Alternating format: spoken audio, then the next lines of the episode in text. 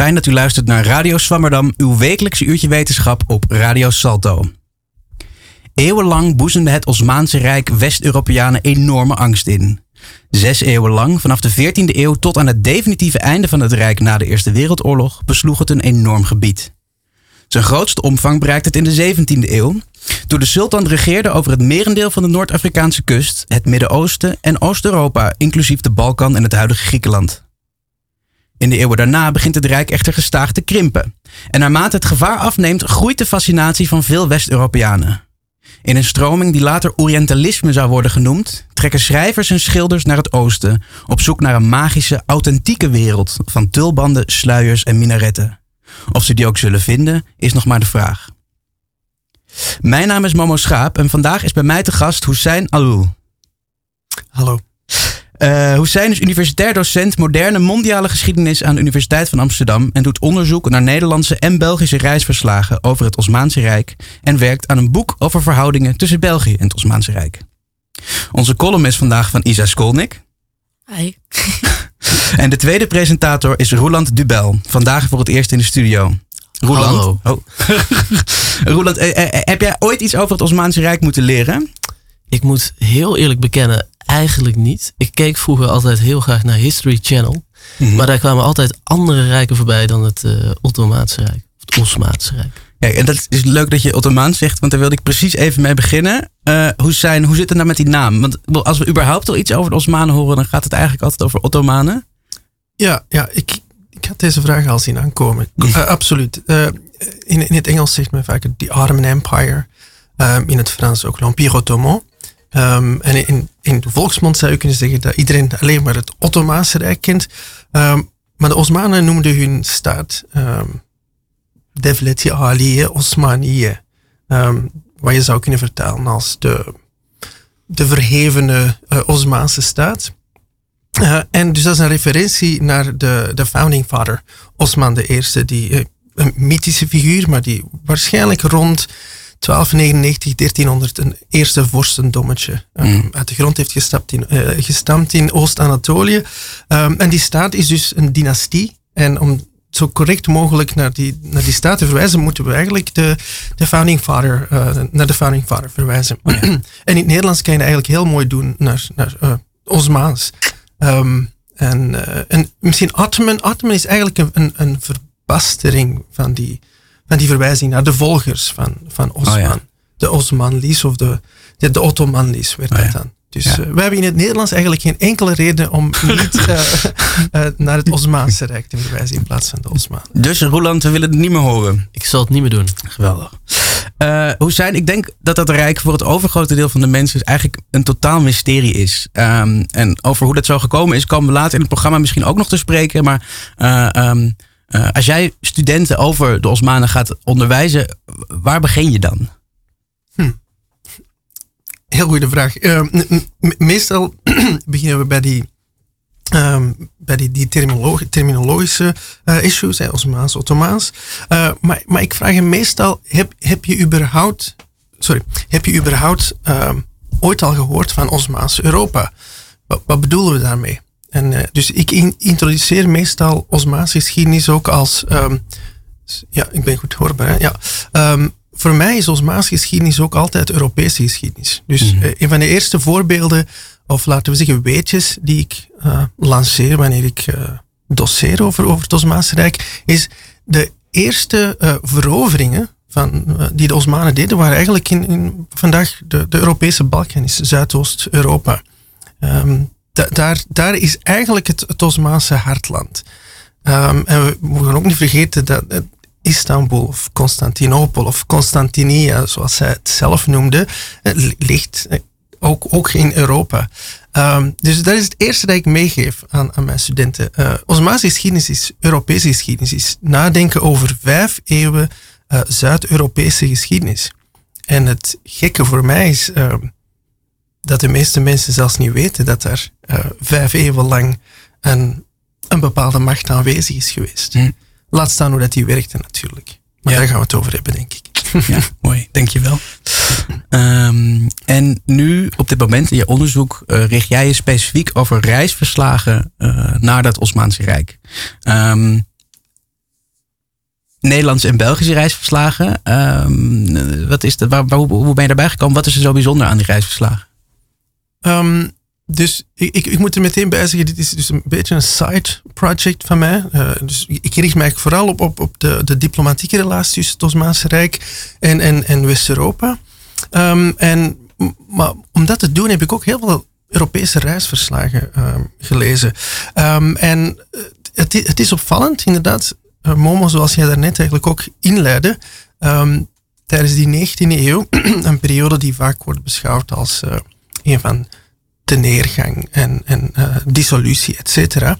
Dat is net die periode uh, dat er in de wereld, uh, vooral in het transport, um, allerlei revoluties plaatsvinden. Je, je, hebt de opkomst van het stoomschip, um, later in de 19e eeuw de eerste treinen.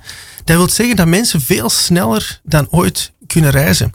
Um, en dus ook West-Europeanen kunnen ook veel gemakkelijker, veel gemakkelijker dan ooit naar de Oriënt reizen. En, en, en trouwens, zij noemde dus uh, de Osmaanse landen werd generisch uh, beschreven als l'Orient of de Oriënt of de Oost. Uh, maar dus het belangrijkste is, vanaf 1800 kan je zeggen um, dat mensen sneller en meer gaan reizen.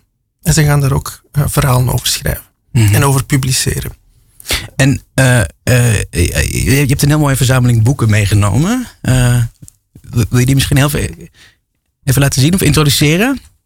Ja, ja uh, ik, ik heb. Um, ik, ik verzamel dus ook een aantal van die, uh, van die reisverhalen. Um, dus ik, ik, ik, focus me vooral op um, Belgische en, en, en Nederlandse uh, publicaties. ik heb er vandaag drie bij en ook één Frans, één Frans werk van Théophile Gauthier. Mm -hmm heet Constantinople. Kijk, ik zal het eens even doorgeven hier. Gepubliceerd in de jaren 1850. Um, en ik heb ook nog drie andere werken bij, maar ik wil misschien heel kort iets zeggen over uh, Constantinople. Um, want kijk, het, het materiële van zo'n van zo'n een, een, reisverhaal zegt ook volgens mij heel veel. um, je, je ziet dat boek, de kaft daarvan, die is versleten. Mm -hmm. um, je ziet dat boek is duidelijk ook heel veel gebruikt. Um, dus dit, dit, Gauthier was een, was een heel bekende Franse auteur, schreef niet alleen reisverhalen. Um, die werd ook vertaald in de 19e eeuw. Um, dus laten we zeggen, Nederlandse elites lazen het werk ook van Gauthier. Maar Nederlandse toeristen met interesse voor de Osmaanse wereld zouden dat boek ook echt meenemen op zo'n reis. Dus ik, ik, was heel blij toen ik dat werkje heb kunnen. Het is, het is een oorspronkelijke eerste uitgave. Dus ik was heel blij dat ik dat op de ja. kop heb kunnen tikken. Um, maar het waren dus ook een soort gids eigenlijk voor. Um, uh, niet, niet helemaal. Mm -hmm. Maar het feit dat dit werd meegenomen zegt wel dat, dat dit deels ook een soort literaire gids was. De, de, je had eigenlijk ook nog een ander genre. Er, er waren ook echt al soort van reisgidsjes zoals wij die vandaag kennen. Um, om dat nu zo heel ahistorisch te zeggen, een soort van Lonely Planet avant la lettre. Dus die, die had hij ook. Echt, uh, je moet, daar kan je de trein nemen, daar zijn de goede hotels. opera kan je, uh, voor opera moet je in Pera zijn. Mm. Um, maar maar dit, dit is echt een literair uh, reisverslag. Um, en dit is Gauthier. Dat is Frans. Maar ik heb ook um, een aantal andere werkjes bij. En dat zijn eerste, dat ik misschien heel kort iets over wil mm -hmm, zeggen, zeker, is um, um, een werk van Ma Maria Versveld, um, a.k.a. Uh, La Contemporaine. Dat was een, een, een heel bijzondere figuur, een, geboren in Noord-Brabant in, in, de late 18e eeuw, die verhuisde naar Amsterdam tijdens de Franse bezetting van, van de Republiek um, legt hij contact met allerlei Franse generaals. Uh, wordt, wordt een heel bekende courtisane later, ook in Parijs. Um, dat verhaal is min of meer gekend. Uh, wat minder gekend is, is dat zij in de jaren 1820 uh, een grote reis maakt, alleen of met, met, met, een, um, met haar vriend, wat ook absoluut niet evident was toen. Maar zij doet een reis naar Egypte en naar Smirna, Osmaas, Izmir. Uh, ze heeft daar ook een verslag over nagelaten. En dat zijn zes delen. Dus ik heb hier het uh, deel 1 bij. Een heel, heel mooie kaft, vind ik ook. Um, ook niet zo heel goedkoop om dat nu nog te vinden. Hij is echt prachtig uitgegeven. maar zoals je ziet, is dit natuurlijk... Uh, die ziet er heel netjes uit. Ja, andere categorie. Absoluut. Dus dat kan ook wel... Het kan zijn dat de, de, degene die dit in haar of zijn bezit heeft gehad, daar altijd heel goed zorg voor heeft gedragen. Ik kan ook gewoon zeggen dat dit werk niet gelezen is geweest. Mm. um, dus om meteen aan te geven, dat, uh, dit is geen highbrow uh, literature. Dat is ook geschreven in het, in het Frans. Um, Maria Versveld is vandaag ook een vergeten figuur. Ze heeft ook memoires geschreven over haar periode als courtisane in de Franse tijd. Maar, maar dat zij ook een, een soort Orient-reizigster was, um, is helemaal vergeten. Um, en dus je, je ziet mijn fascinatie voor die, die Europese en Nederlandse reizigers, dat heeft ook iets te maken met, met, met, met dat deels obscure mm -hmm. um, van dat fenomeen in de lage landen. Dus enerzijds, uh, veel mensen reisden, maar legden daar niet per se verslag van af. Degenen die daar wel verslag van aflegden, uh, die zijn vandaag ook vergeten. En, en dat, ik, ik heb het zelf um, ook nog zelfs nog niet helemaal doorlezen. Het zijn zes volumes. Ja. Um, maar het is echt fantastisch. De, de soort um, encounters die zij daar beschrijft. Ja. Um, ze heeft ook toegang tot allerlei Europese consuls in Alexandrië en in Cairo. En, en op een gegeven moment wordt ze ook, um, beweert ze tenminste, ik denk dat het deel 3 is, dat ze wordt gekidnapt door, uh, door, door struikrovers. En, en, ze dan twee maanden gevangen zit. En uh, dan moet ze vrijgekocht worden. En speelt zich dus allemaal af in de vroege 19e eeuw. Maar en, en uh, sorry, Roland, wilde je iets vragen? Nee, ik vroeg me eigenlijk af van, zijn die reisverslagen dan altijd bedoeld ter publicatie of waren het soms ook gewoon dagboeken die ze bijhielden? Um, so, sommige, bijvoorbeeld Théophile Gautier, die, die, die reisde echt om te schrijven. Um, en die, um, de bedoeling was ook echt dat hij zich inschreef in een soort van traditie van voyage en Orient, reizen naar de Oriënt. En tegen de jaren 1850 was dat echt een, genre. En dan moeten we denken, dat genre zou waarschijnlijk eerst beginnen bij Chateau, Chateau, Chateaubriand, die in, uh, in de vroege 19e eeuw een soort uh, um, itinéraire de Paris à Jeruzalem publiceert. En wat Gauthier doet, is effectief reizen om daar een verslag over te schrijven en om te publiceren. En dus ook om, om, bekendheid te, te, krijgen.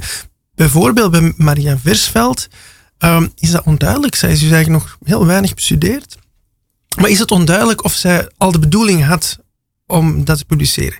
Ik denk van wel. Als je zes, delen kan, uh, kan, kan uitschrijven, dan is het duidelijk dat zij wel een dagboek bijhield. Um, en zij had eigenlijk al furoren gemaakt met haar memoires als, uh, als maîtresse in, in, in, Napoleontisch, uh, in dat Napoleontisch imperium. Um, dus uitgevers wisten wel dat dit uh, verkocht. Um, en je kan misschien hetzelfde zeggen over dit andere werkje dat ik hier heb meegenomen. Het derde boek. Het derde boek.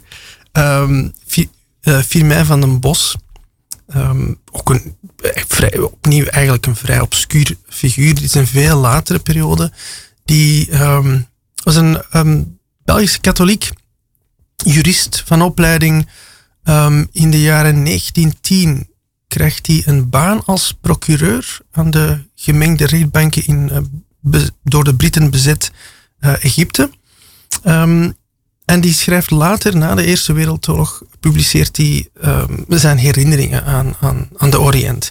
En wat, wat ik eh, grappig vind aan dit werk is de titel natuurlijk, La, La Tentation d'Orient, de, de verlokking van de Oriënt. Um, dit gaat niet over het sensueel en over het seksuele, maar dit wordt wel geïnsinueerd. Ja. En, en, dus er zijn allerlei bespiegelingen in dit werkje over um, dat de Oriënt iets magisch heeft, iets, iets, iets aanlokkelijk.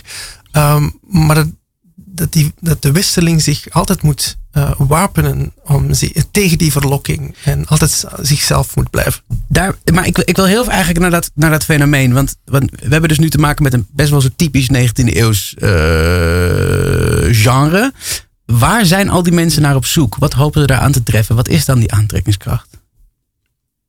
Um, Oké, okay, en ik ben, vind ik een heel goede vraag. En ik, ik, zou, ik, zou, ik zou zeggen, bijvoorbeeld, die Franse auteurs, dan zou ik denken, er is hier zo'n romantische traditie die uh, opnieuw Chateaubriand, maar Gauthier, die ik daarnet al heb uh, uh, vermeld. Je hebt ook een als Gérard de Nerval, onlangs trouwens ook vertaald terug um, naar het Nederlands.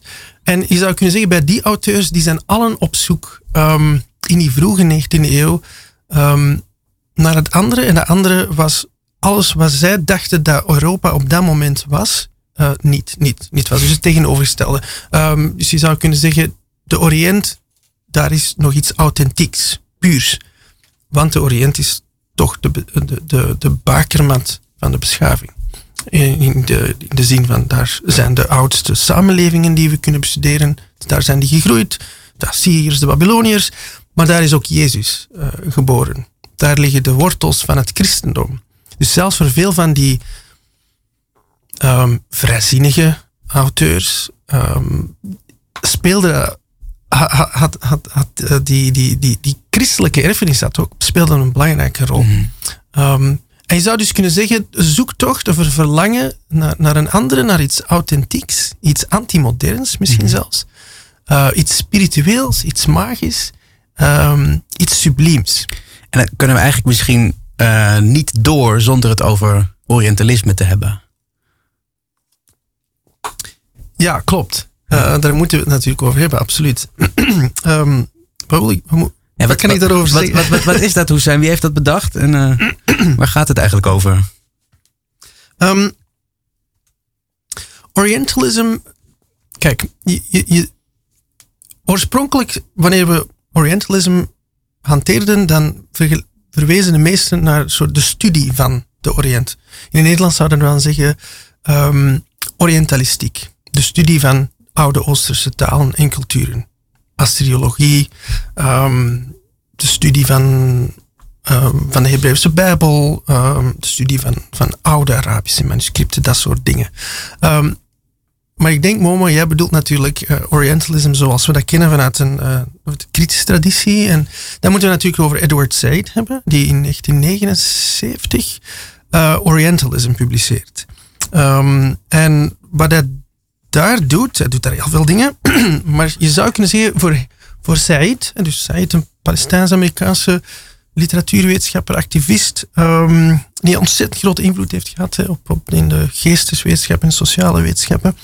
Uh, voor, voor Said was Orientalisme het, geheel, um, zou kunnen zeggen, het, geheel van ideeën, overtuigingen, attitudes ten aanzien van, van de Oriënt, een ingebeelde Oriënt, die uh, gelinkt werd automatisch met een aantal tijdloze attributen. Mm. En die tijdloze attributen, dat, dat zou dan zijn uh, effectief um, um, onveranderlijkheid, sensualiteit, um, spiritualiteit, maar ook per perversie, corruptie, achterlijkheid.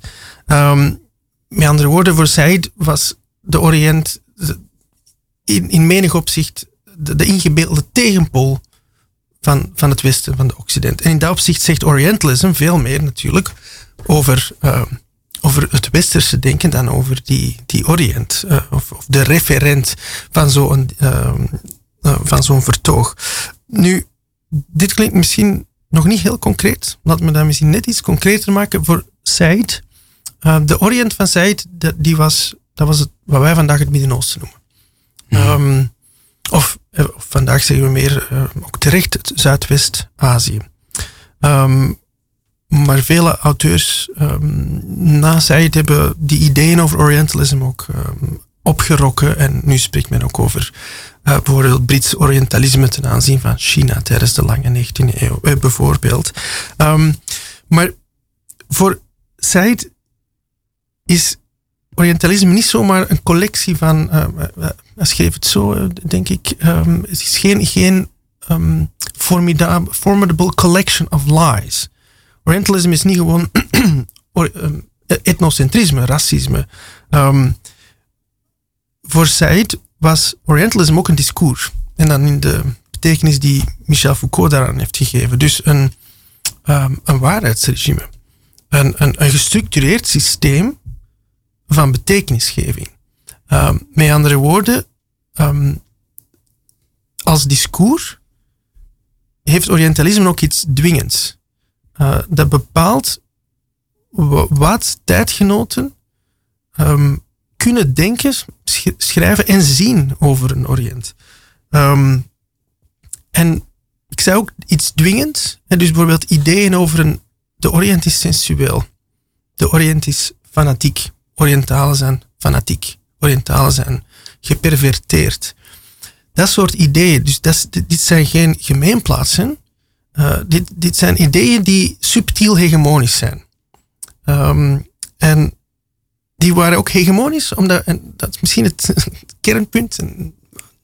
Het is misschien een lange inleiding om tot dit kernpunt te komen. Maar, maar voor zij het, is hegemonisch, het is dwingend, omdat, omdat dit uh, denken kan natuurlijk niet los gekoppeld worden van, van, van een politieke economie, van imperialisme natuurlijk. Dit is ook net de periode um, dat staten als Frankrijk en, en Groot-Brittannië andere imperiale ambities ontplooien op het geopolitieke toneel. En dus die Oriënt, wat wij vandaag het Midden-Oosten noemen, wordt, delen daarvan worden letterlijk gekoloniseerd. Mhm. Eerst Algerije, uh, later uh, Tunesië, Egypte en, en zelfs ook een aantal delen van, van, van het Osmaanse Rijk. Uh, Cyprus wordt, wordt eigenlijk weggegeven aan de, aan de Britten, maar je zou kunnen zeggen dat is eigenlijk een conform van koloniale inlijving. Um, en iets dwingend. Misschien kan ik daar nog een laatste voorbeeld. Echt de laatste. Ja, absoluut. absoluut. Ja, ja. Ik, want misschien moet, wil ik dat toch nog iets concreter maken. Um, dwingend in de zin dat vandaag een, een, um, de, de, journalistieke klasse, die zouden bijvoorbeeld, um, als die een reportage zouden maken over werkloosheid in Libanon, een paar jaar geleden, met de crisis daar, dan zouden zij een islamoloog opvoeren. Ja. En het feit dat dat evident is, dat je een islamoloog uitnodigt in de studio om te spreken over economische problemen in Libanon. Ja. Uh, want uiteindelijk heeft het toch allemaal te maken met islam en uiteindelijk zijn die allemaal achterlijk, et cetera. Dat, dat is voor mij een heel mooi, mooi voorbeeld waar Orientalisme vandaag nog is. Ja, ja, ja, ja. Dan wil ik nu toch nog heel terug naar die, naar die, naar die, naar die reisverslagen. Want je hebt dus mensen die, um, uh, die met een soort gewapend, met een heel conceptueel kader van verwachtingen en ideeën over, uh, over dat oosten daarheen trekken. Um, dan komt die werkelijkheid misschien wel in, in botsing, toch, met dat uh, systeem. En, en een van de auteurs bij wie dat misschien wel gebeurt, is, is Jozef Muls. Wie, wie, wie, wie, wie was hij? Um, jo Jozef Muls, dat is, dat een van de auteurs die, ik, die ik wat, wat, dieper heb bestudeerd. Dat is een, um, een Antwerpse kunstcriticus, um, cultuurflamingant. Die was ook uitgever van een literair tijdschrift uh, Vlaamse Arbeid. En wat is er bijzonder aan die, die, die, die man? Dat hij in 1908 een, een bezoek brengt aan de Osmaanse hoofdstad, Istanbul. Um, en hij schrijft... eigenlijk heel laat, 1908. Ja, in, de, in, de, lange 19e eeuw misschien niet. Maar omdat het, het, volgens mij het grootste deel van de werken die behandelt uh, komen een stuk eerder. En de wereld is al erg veranderd. Klopt, absoluut. Ja, ja. Dus uh, vergeleken met, met, met, de auteurs die, ja, een Gauthier, dit is, um, we zijn nu een halve eeuw verder. Um, en, en ja, en dat zie je trouwens ook in de manier waarop Muls uh, reist. Die reist via heel grote steamers en, uh, en die kan. Technisch, heeft dat niet gedaan toen, maar die kon technisch gezien uh, met de Orient Express van Istanbul naar Parijs sporen. Mm En dan zouden we eigenlijk op 48 uur terug, terug in, Frankrijk, in Frankrijk zijn geweest en ik kon naar, naar België gaan. Ja, dus er is heel veel veranderd, absoluut. Um, en hij gaat dus in 1908 doet hij een bezoek aan Istanbul. Uh, hij schrijft daar een verslag over. Uh, noemt hij gewoon Constantinopel. Wordt eerst uh, um, gepubliceerd in, in Vlaamse Arbeid, dat tijdschrift. En in 1913 verschijnt het in boekvorm. Ja. En ik heb, ik heb het boekje voor me en dat is, dat is, daar zitten wel, ja, die taal is misschien te wollig om, om niet voor te lezen. Ik sla hem hier open. van met dat ge aan wal komt en door de straten trekt, verdwijnt het schone decor. Het exotisme is dood sedert de verspreiding van de Europese cultuur. Het is wel die teleurstelling dus die erin zit. Teheran, Constantinopel, Egypte, heel dat toverachtige oosten ligt te dicht bij ons westen. De tijd is lang voorbij dat Lamartine en Chateaubriand een schip huurden om de fabelachtige reis te ondernemen. De slaapwagens van de Orient Express voeren nu vandaag in 42 uren van Brussel naar Stamboul. Het is dus geen wonder dat broeken en redingoten en de, de oude klederdrachten stilaan vervangen en dat welhaast de fella's en nomaden alleen nog in hun kle- kleurige lompen van vroeger zullen gehuld gaan. Ja, fantastisch. Ja, Ja, schitterend inderdaad. Ja. Daar, daar zie je hoe, hoe ehm, Jozef Muls zelfs in zijn hyperliterair eh Oriëntverslag, daar kun je misschien straks nog iets over zeggen, ehm, dat hij op een gegeven moment wel die een soort van stedelijke Osmaanse werkelijkheid ehm, moet erkennen. Hij, hij moet daar iets mee doen. ja, En een deel van die werkelijkheid is natuurlijk dat het niet beantwoordt aan zijn, ehm, aan zijn ideeën van, van een feerieke Oriënt. Het is, het, is, het is een Oriënt die heel snel aan het veranderen is, ehm, waar mensen eigenlijk ook op dezelfde manier zijn gekleed als hij zelf. Dat vindt hij ontzettend frustrerend. ja, Hij wil natuurlijk Ja. alleen maar ge- getulbande oude mannen zien die Ja. waterpijpen roken. Ehm, en dus hij is enerzijds wel geïntrigeerd hè, door... Kijk, hij noemt de Orient Express. Mhm. Hij, hij- hij- hij verstopt zich niet. Kijk, het is 1908. Tijden zijn veranderd. Maar hij vreest, zoals heel veel auteurs, hij vreest wel voor een soort van verloedering, teloorgang. Ehm, hij heeft ook bang dat de Oriënt iets essentieels eh, zal, zal verliezen. Eh, en het interessante is natuurlijk dat heel veel vroeg 19e-eeuwse auteurs ook al vreesden dat iets gelijkaardigs zou gebeuren. ja. eh, Ja. 50 jaar geleden. Ja, en hij, hij, hij, hij romantiseert misschien ook wel zijn eigen voorgangers. eh, net zo erg als de plek die hij bezoekt. Of, of ga ik dan te ver? Mm, de- ik, ik weet niet of hij die romantiseert. Hij, hij bewondert die duidelijk. Ehm, hij, hij ziet zijn werk, denk ik, ook ehm, misschien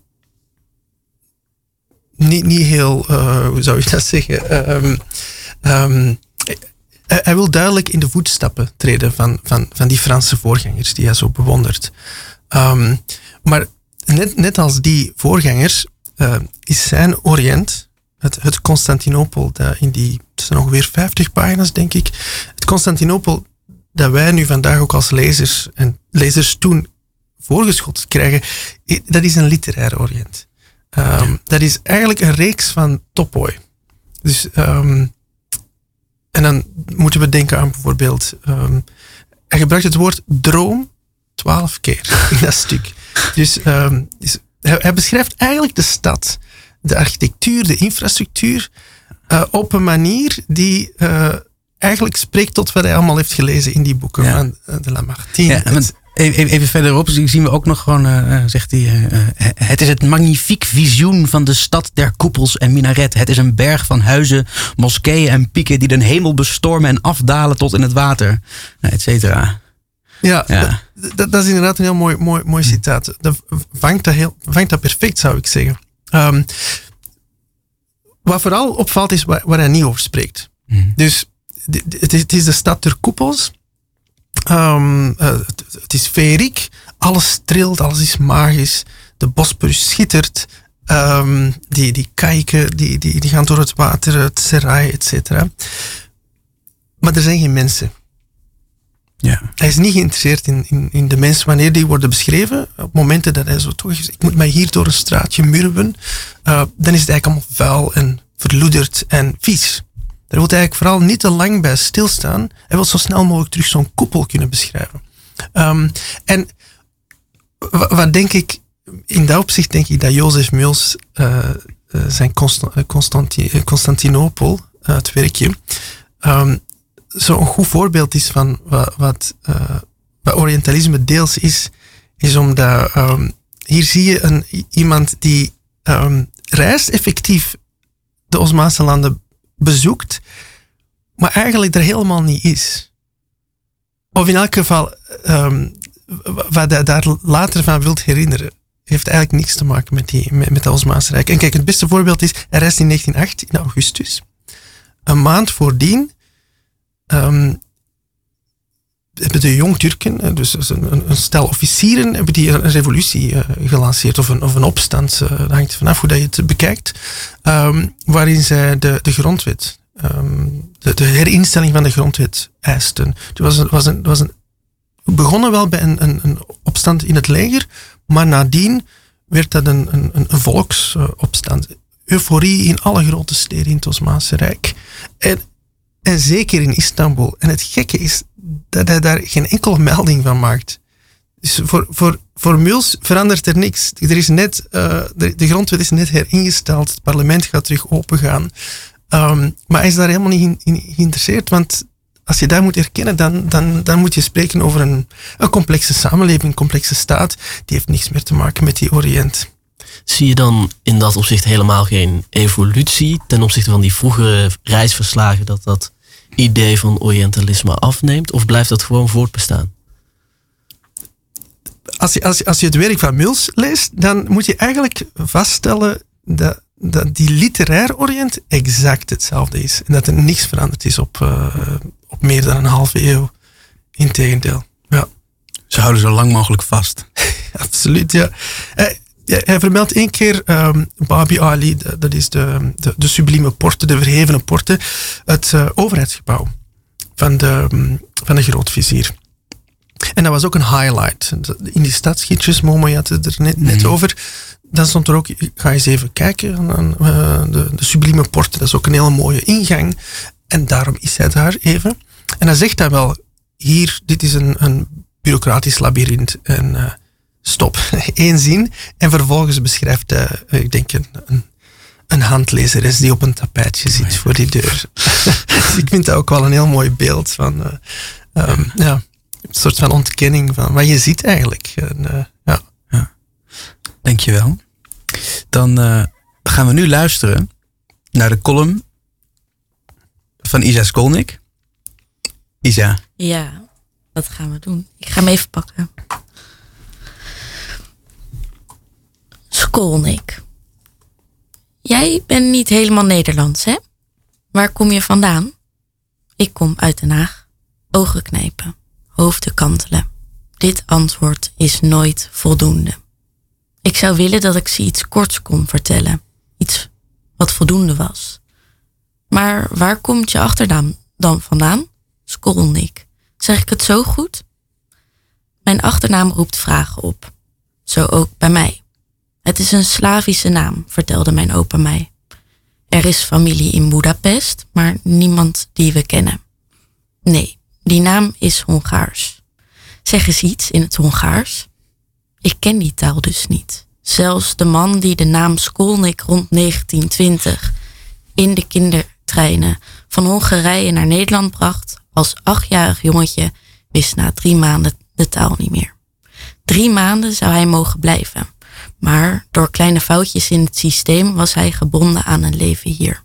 Hij had het gevoel dat zijn ouders hem niet meer wilden dat hij nergens meer thuis hoorde. Een zielig en lang verhaal voor een andere keer. Ook door mijn donkere krullen en poepbruine ogen ben ik niet makkelijk te plaatsen. Op de derde date met mijn eerste vriendje zei hij: Ik heb altijd al Marokkaanse willen daten. Ik zei tegen hem: Lieve schat, dan mag je nog iets langer hopen, want ik ben het niet. Hij had het al trots aan zijn vrienden verteld, of hij hen nog in de waan mocht laten. Mijn bijnaam in die groep was Klein Marokkaantje. Ik denk terug aan de keer dat ik in de bakker werkte. Mijn voornaam Isa bracht mij wat interessante gesprekken. Ik vind mijn naam mooi en niet moeilijk om uit te spreken, maar dat vindt misschien iedereen van zijn eigen naam. Toch blijven verschillende mensen mijn naam uitspreken met een H ertussen. En niet alleen uitspreken, ook schrijven. Bij de Starbucks staat dan doodleuk op mijn beker I-S-H-A, Isha. Toen ik veertien was, in de bakker, hadden de schoonmaker en ik een goede band. De schoonmaker en ik stonden vaak de eerste drie uur alleen. Hij maakte de bakkerij schoon en ik verkocht het brood. Voor hem was ik Isha. Jouw ouders hadden beter moeten weten dan jou een jongensnaam te geven. Mijn ouders waren begin twintig toen ze mij kregen en dachten helemaal niet dat ik er zo uit ging zien. Dat mensen de hele tijd vragen zouden gaan stellen over waar ik vandaan kom. Mijn ouders hadden blijkbaar moeten weten dat Isa een Hebreeuwse jongensnaam is, afgeleid van Isaia, een van de vier profeten uit het Oude Testament. Weet je zeker dat het niet Isabella is? Dat weet ik zeker. Zo was ik niet alleen voor hem, Isha, maar ook voor alle andere medewerkers. De komende drie jaar luisterde ik elke zaterdag naar de naam Isha. Kijk, mijn voornaam heeft hier eigenlijk niks mee te maken. Maar het zou kunnen dat de familie verder heeft gereisd dan alleen van Hongarije naar Nederland. Wie zal het weten? Ik niet. Skolnik Origin Last Name, google ik. Volgens Google is het een Joodse achternaam. Er wonen 21 Skolniks in Nederland. Naar mijn berekening kloppend. Dat is mijn familie. In Hongarije wonen er ook maar 20. In Noord-Amerika wonen er 1470 en in Israël 1347. Ik denk alleen helaas dat die familiegeschiedenis onbereikbaar is voor mij. Maar kom op, wat maakt het ook uit? Ik ga dit, alles wat ik nu heb bedacht, niet delen bij de kassa. Ik snap dat je nieuwsgierig bent, maar wil je het hier echt nu over hebben? Ik probeer gewoon af te rekenen. Nee, zeg ik tegen de meneer. Ik kan niet Hongaars spreken. Hij kijkt me veroordelend aan, maar ik krijg mijn idee wel terug. Maar je bent wel Hongaars? Ik weet het niet, maar ik denk het wel. Dankjewel, Isa. Alsjeblieft. Um, goedemorgen, lieve luisteraars. U luistert naar Radio Swammerdam, uw wekelijks uurtje wetenschap op Radio Salto. We spreken vandaag met Hussein Alul, die vertelt over zijn onderzoek naar reisverslagen over het Osmaanse Rijk. Um, er is iets wat ik zelf echt vreselijk interessant vind aan het Osmaanse Rijk. Uh, dat is ook een beetje hoe het herinnerd wordt, of ook hoe weinig het herinnerd wordt. Daar hint ik uh, eerder ook even naar.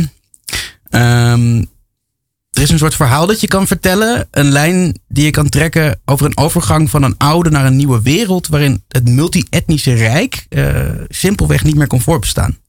Um, en je moet dan uitkijken om niet in dezelfde orientalistische tropes te vervallen als de auteurs die we vandaag behandelen. Maar er zit iets diep tragisch in uh, die laatste eeuw van het Rijk. Een soort onafwendbare aftakeling van een politiek systeem waarin moslims, christenen en joden in betrekkelijke harmonie samenleefden op een manier die in het overgrote deel van Europa op dat moment toch ondenkbaar was. Uh, Hussein, je bent specifiek uh, expert ook op het gebied van het laat Osmaanse Rijk. Kun je je een beetje terugvinden in die, hoe ik dat zo schets?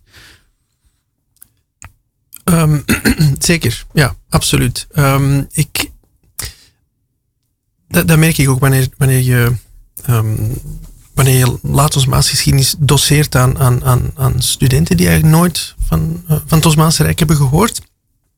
Dan moet je, dan zeg ik altijd, oké, laten we nu even al onze, de, de, de, uh, al onze veronderstellingen die we hebben, hoe imperia of hoe Europese staten, samenlevingen er, zouden moeten uitzien, moeten die allemaal loslaten en met een frisse blik naar de, die, uh, laten we zeggen, de laatste eeuw van het Osmaanse Rijk te kijken. Um, want ik merk soms dat bij studenten um, diversiteit aan zich automatisch een probleem is. Um, dat kan niet goed lopen. dat wordt sectarisch. In een beeld van de geschiedenis Absoluut, bedoel je dan? Ja, ja. En, en, en dus het einde was dus ook in dat opzicht uh, onvermijdelijk. Um, het einde waarin op een gegeven moment toch uh, iedereen elkaar de tent uit begint te vechten. Absoluut, ja, absoluut. En, en, en een einde dat ook genocidaal was, et cetera. En heel, heel gewelddadig, absoluut. Um, maar vertrekken vanuit dat, dat eindpunt um, helpt historisch helemaal niet om die vijf eeuwen voordien um, te doordenken. Um, alles verandert. Ik bedoel, de, in, in dat opzicht zijn die, die, die, auteurs die wij daarnet hebben besproken, die, die laten vooral zien hoe, hoe we het niet uh, moeten doen. Hoe, hoe, we vooral moeten nadenken hoe, hoe die Osmaanse staat zelf constant transformeert. Die, la, die laat 19e, eeuwse Osmaanse staat is onvergelijkbaar met, met, met, met het Osmaanse staatsapparaat in de 18e eeuw in dat opzicht is dat ook een heel Europees verhaal. Wij staten overal in de wereld uh, worden complexer, um, worden bureaucratischer, um, worden um, sterker, hebben meer invloed ook op de levens van hun onderdanen. legers transformeren. Dat is in dat opzicht een, een, een heel on-Osmaans verhaal. Wat wel echt effectief Osmaans is, is dat je tot op het einde van het Rijk ehm, een, een soort van multi- of meertalige, multi-etnische, multireligieuze um, steden had.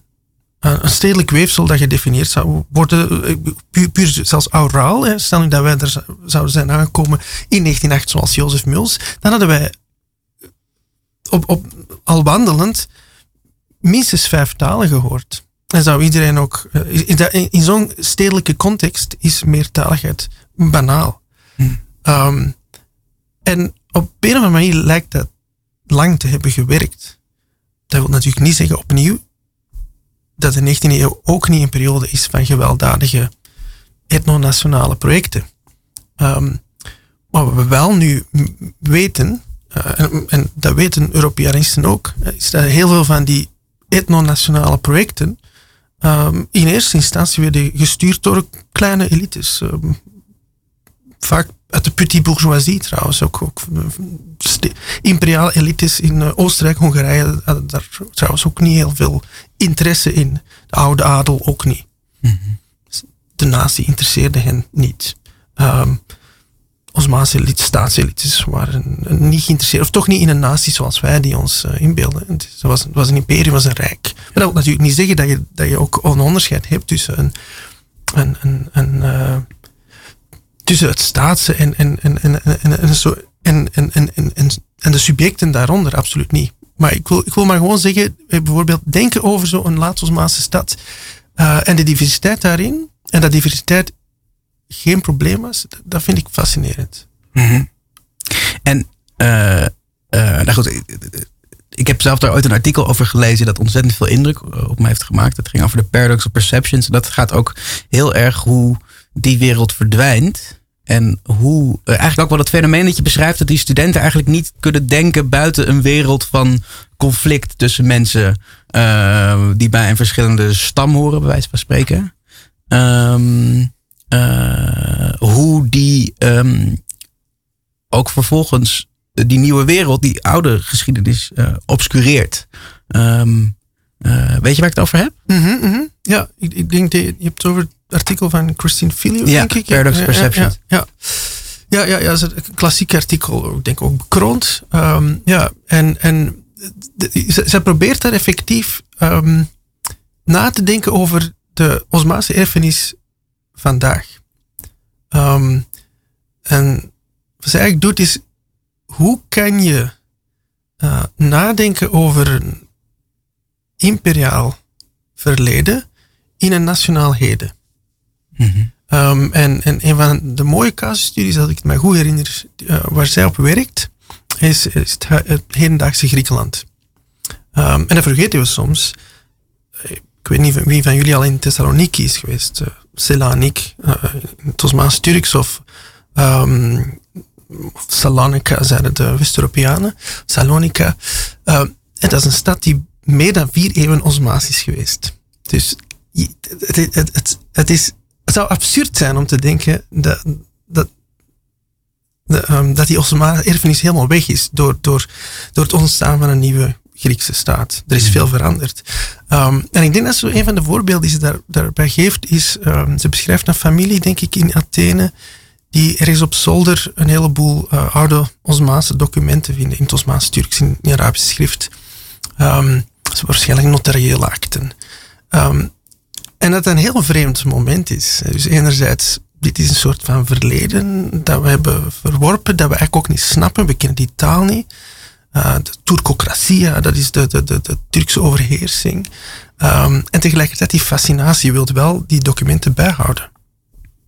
Want die documenten, dat is eigenlijk ook een soort... Uh, dat is familie-eigendom. Dat is, familie, dat, dat is een familiale erfenis. Um, dat is ook jouw connectie met het verleden. En dat verleden is ons maas. Maar het gekke is, hoe geef je daar betekenis aan? Want het, het, wordt, volgens mij zegt ze dan, het, het, wordt nooit in een. Uh, het heeft wel betekenis voor één specifieke familie, maar het wordt nooit in een groter uh, verhaal geplaatst. Nooit in een soort groter beeld van een, um, van een, uh, een diverse geschiedenis. Ja, ja, ja absoluut. Um, je, je, zou kunnen zeggen. sorry je zou kunnen zeggen, we, we hebben vandaag geen verhaal over Osmaans Europa. Je, zou kunnen zeggen, ehm, Renaissance Italië, daar is een verhaal over in de mainstream. We weten allemaal ongeveer wat we daarmee bedoelen. Iedereen kan wel een aantal kunstenaars bedenken, een paar uh, architectonische uh, hoogstandjes, een paar steden die we hebben bezocht. De Renaissance en die periode heeft een plek in wat wij denken dat een soort Europese geschiedenis is. En dat is trouwens ook een tijdslijn hè, die we ons allemaal inbeelden. Dat begint ergens, is in de middeleeuwen en dat eindigt ook ergens en eindigt hier vandaag in West-Europa. En ja, Amerika is een klein beetje raar, maar die hebben daar wel iets mee te maken. En het gekke is, Osmaans Europa heeft daar kennelijk niets mee te maken. Um, Sarajevo, Osmaans Sarajevo heeft daar niks mee te maken. Oké, Sarajevo als Joegoslavische stad misschien wel. Um, maar dan moet je mensen weer gaan uitleggen, ja, maar dat is wel die stad is gesticht door Osmanen. Um, en, en dat heeft natuurlijk ook allicht iets te maken met Orientalism. En, en de manier waarop de, de Osmanen altijd zijn georientaliseerd, geëxterioriseerd, geracialiseerd, uh, geëssentialiseerd. Uiteindelijk zijn dat allemaal moslims. Maar we hebben net gezegd dat het Osmaanse Rijk um, multireligieus was. De helft van alle um, inwoners in de Osmaanse provincies in Zuidoost-Europa waren christen. Hm. En, en Thessaloniki was, uh, de, de, was zo uitzonderlijk in, voor 1912, omdat dat een van de Osmaanse provinciesteden was met de, waarin je een, de grootste Joodse minderheid had, die daar woonde. Vooral Ladino sprak, maar ook veel andere talen. Hm. Maar dat is wel een Osmaans verhaal. Ja, ja. Isa en Roland. Ja. Willen jullie nog iets weten? Alles. ja, ik heb, ik heb geen specifieke vraag. Ik kan uren luisteren eigenlijk. Ik, ik had eigenlijk, en die uh, gedachte had ik al een tijdje, misschien is hij een beetje fout en banaal. En dan moet ik even bijzeggen dat ik zelf in de regio Kaatsheuvel ben opgegroeid. Maar als ik mezelf dan afvraag, waar zien we Orientalisme nog in de populaire cultuur, de ja, de, de, de, de ja, fascinatie voor Oosterse culturen en de reductie ervan, dan moet ik al snel aan de Fata Morgana denken. Dan maak je ook eigenlijk een soort, even een reis door een... Bij de Efteling bedoel ja, je? bij de Efteling. Een soort geromantiseerde Oosterse cultuur. Dan hoef je niet helemaal daar naartoe. Uh, je hoeft niet terug in de tijd, maar dat, die, ja, dat idee kreeg ik een beetje. Hm. Heb jij die bezocht, Isa? Ja, dat denk ik wel. Ik ga ervan uit van wel, we komen wel eens in de Efteling. Oh ja.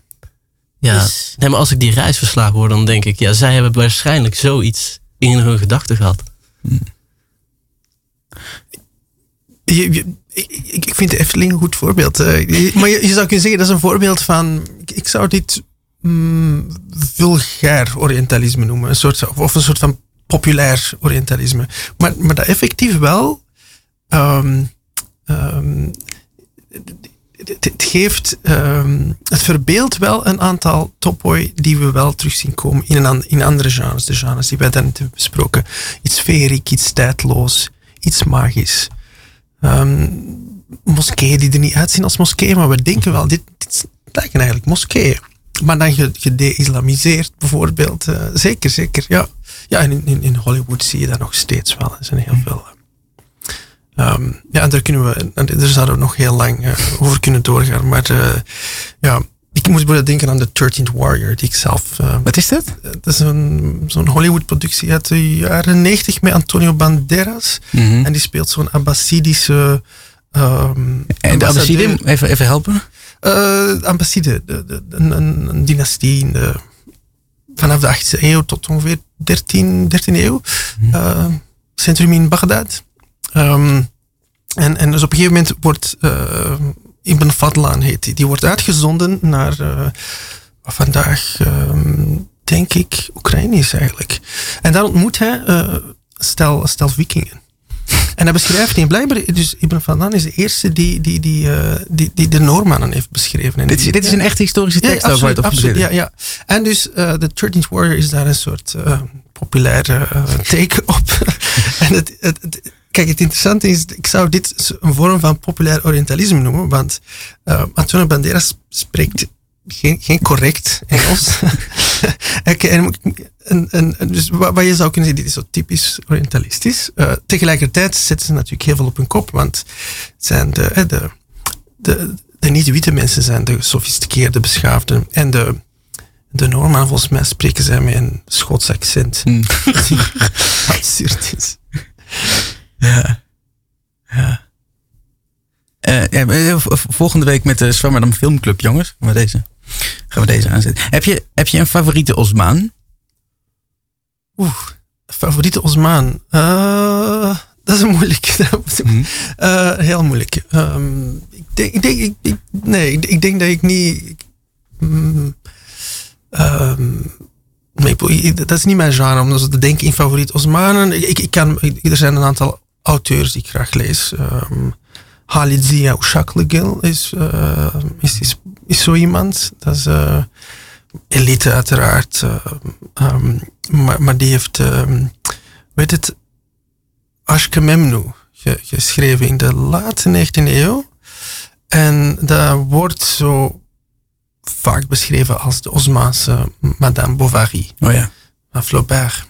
verboden liefde. Ja. En, en dat, is een, dat is een machtig epos over die eh laat-Osmaanse elites en bedrog. En, maar ook, ook, ook hoe, hoe die elites ontzettend gesofisticeerd waren in Frans spraken en Engels en, en Grieks en, en, en nannies hadden en ehm, de West-Europese nannies en van die jales, die, die fantastische villa's aan de Bosporus.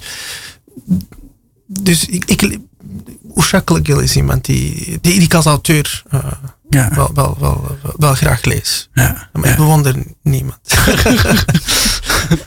Ja. Heb je misschien, eh, eh, Stefan, want ik, ja, Isa zit hier met grote ogen te luisteren. Stel je voor dat, ehm, eh, dat luisteraars graag meer zouden leren. Wat heb je misschien een soort goede plek om te beginnen of zo? Of een, een boek of een, ehm, een inleiding? Mm, Ja, jouw vak neem ik aan. eh, die moet je dan volgen. ja, of mijn boek dat binnenkort uitkomt. Ah. Nee, nee. Ehm, goed, goed werk. Ehm, en bedoel je dan, dan een soort goede inleiding tot, tot Ja, Osmaanse bijvoorbeeld. geschiedenis? Ja. Ehm, ehm, wel, Mark Mazauer heeft wel een, een, een, een leuk boek geschreven over, over omdat we nu over Thessaloniki spraken, series. Uh, Salonika City of Ghosts. Dat vind ik wel een goede inleiding. Die, eh, het, is, het is ook wel gebaseerd vooral op Euro- Europese bronnen. En, hij- en hij heeft niet echt zijn best gedaan om Osmaanse bronnen te, te, te gebruiken. Maar dat is wel een heel mooie inleiding. En hij vertelt echt het, het, het, grote, het grote verhaal. Dus Selanik vanaf het begin, vanaf de Osmaanse tijd. En daar net nog iets voor tot, tot het einde. En City of Ghosts, dus hij, hij, hij wil ook nadenken over hoe... Wat doen we vandaag met zo'n stad, die, waarvan iedereen weet dat die wel belangrijk is geweest Ja. tijdens die Osmaanse periode. Maar waar we eigenlijk niet veel over kunnen zeggen. Nee, dat was ook mijn inleiding, dus ik hoopte al dat je dat zou zeggen. Ehm, als allerlaatste nog heel veel. Je, had, je hint er net al naar je met een boek aan het schrijven. Waar kunnen we dat krijgen en wat gaat erin staan? Ehm, ik, ik ben nu aan het werk eh, aan, een, aan een, ehm, een monografie die ook deels gebaseerd gaat zijn op mijn, mijn proefschrift.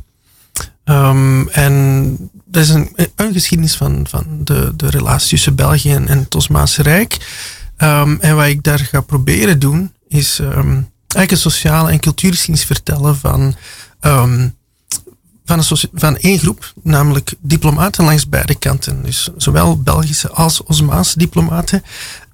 En hoe die allemaal iets te maken hebben met, met de ontwikkeling van het moderne kapitalisme, waar België een, een belangrijke speler eh, in was in die lange 19e eeuw. eh, hyper geïndustrialiseerd eh, tot het midden van de 19e eeuw. Eigenlijk een economische wereldmacht. Ehm, dus dat verhaal tussen België en het Osmaanse Rijk is niet, niet, eh, eh, niet toevallig. En ik probeer dus die spelers te volgen en zien hoe die, eh, hoe diplomaten investeerders worden en hoe investeerders diplomaten worden. En hopelijk is dat binnen twee jaar af. Fingers crossed. Nou, dan horen jullie weer van ons. Ehm dankjewel dat je bij ons wilde aanschrijven, Hoestijn. Ehm dag, lieve luisteraars. Eh, vandaag eh, was bij ons de gast Hussein Alou. Eh, die wil ik enorm bedanken. Ook wil ik heel graag bedanken mijn mede-presentator Roland Dubel. Tabebakker voor de techniek en de column was van Isa Skolnik.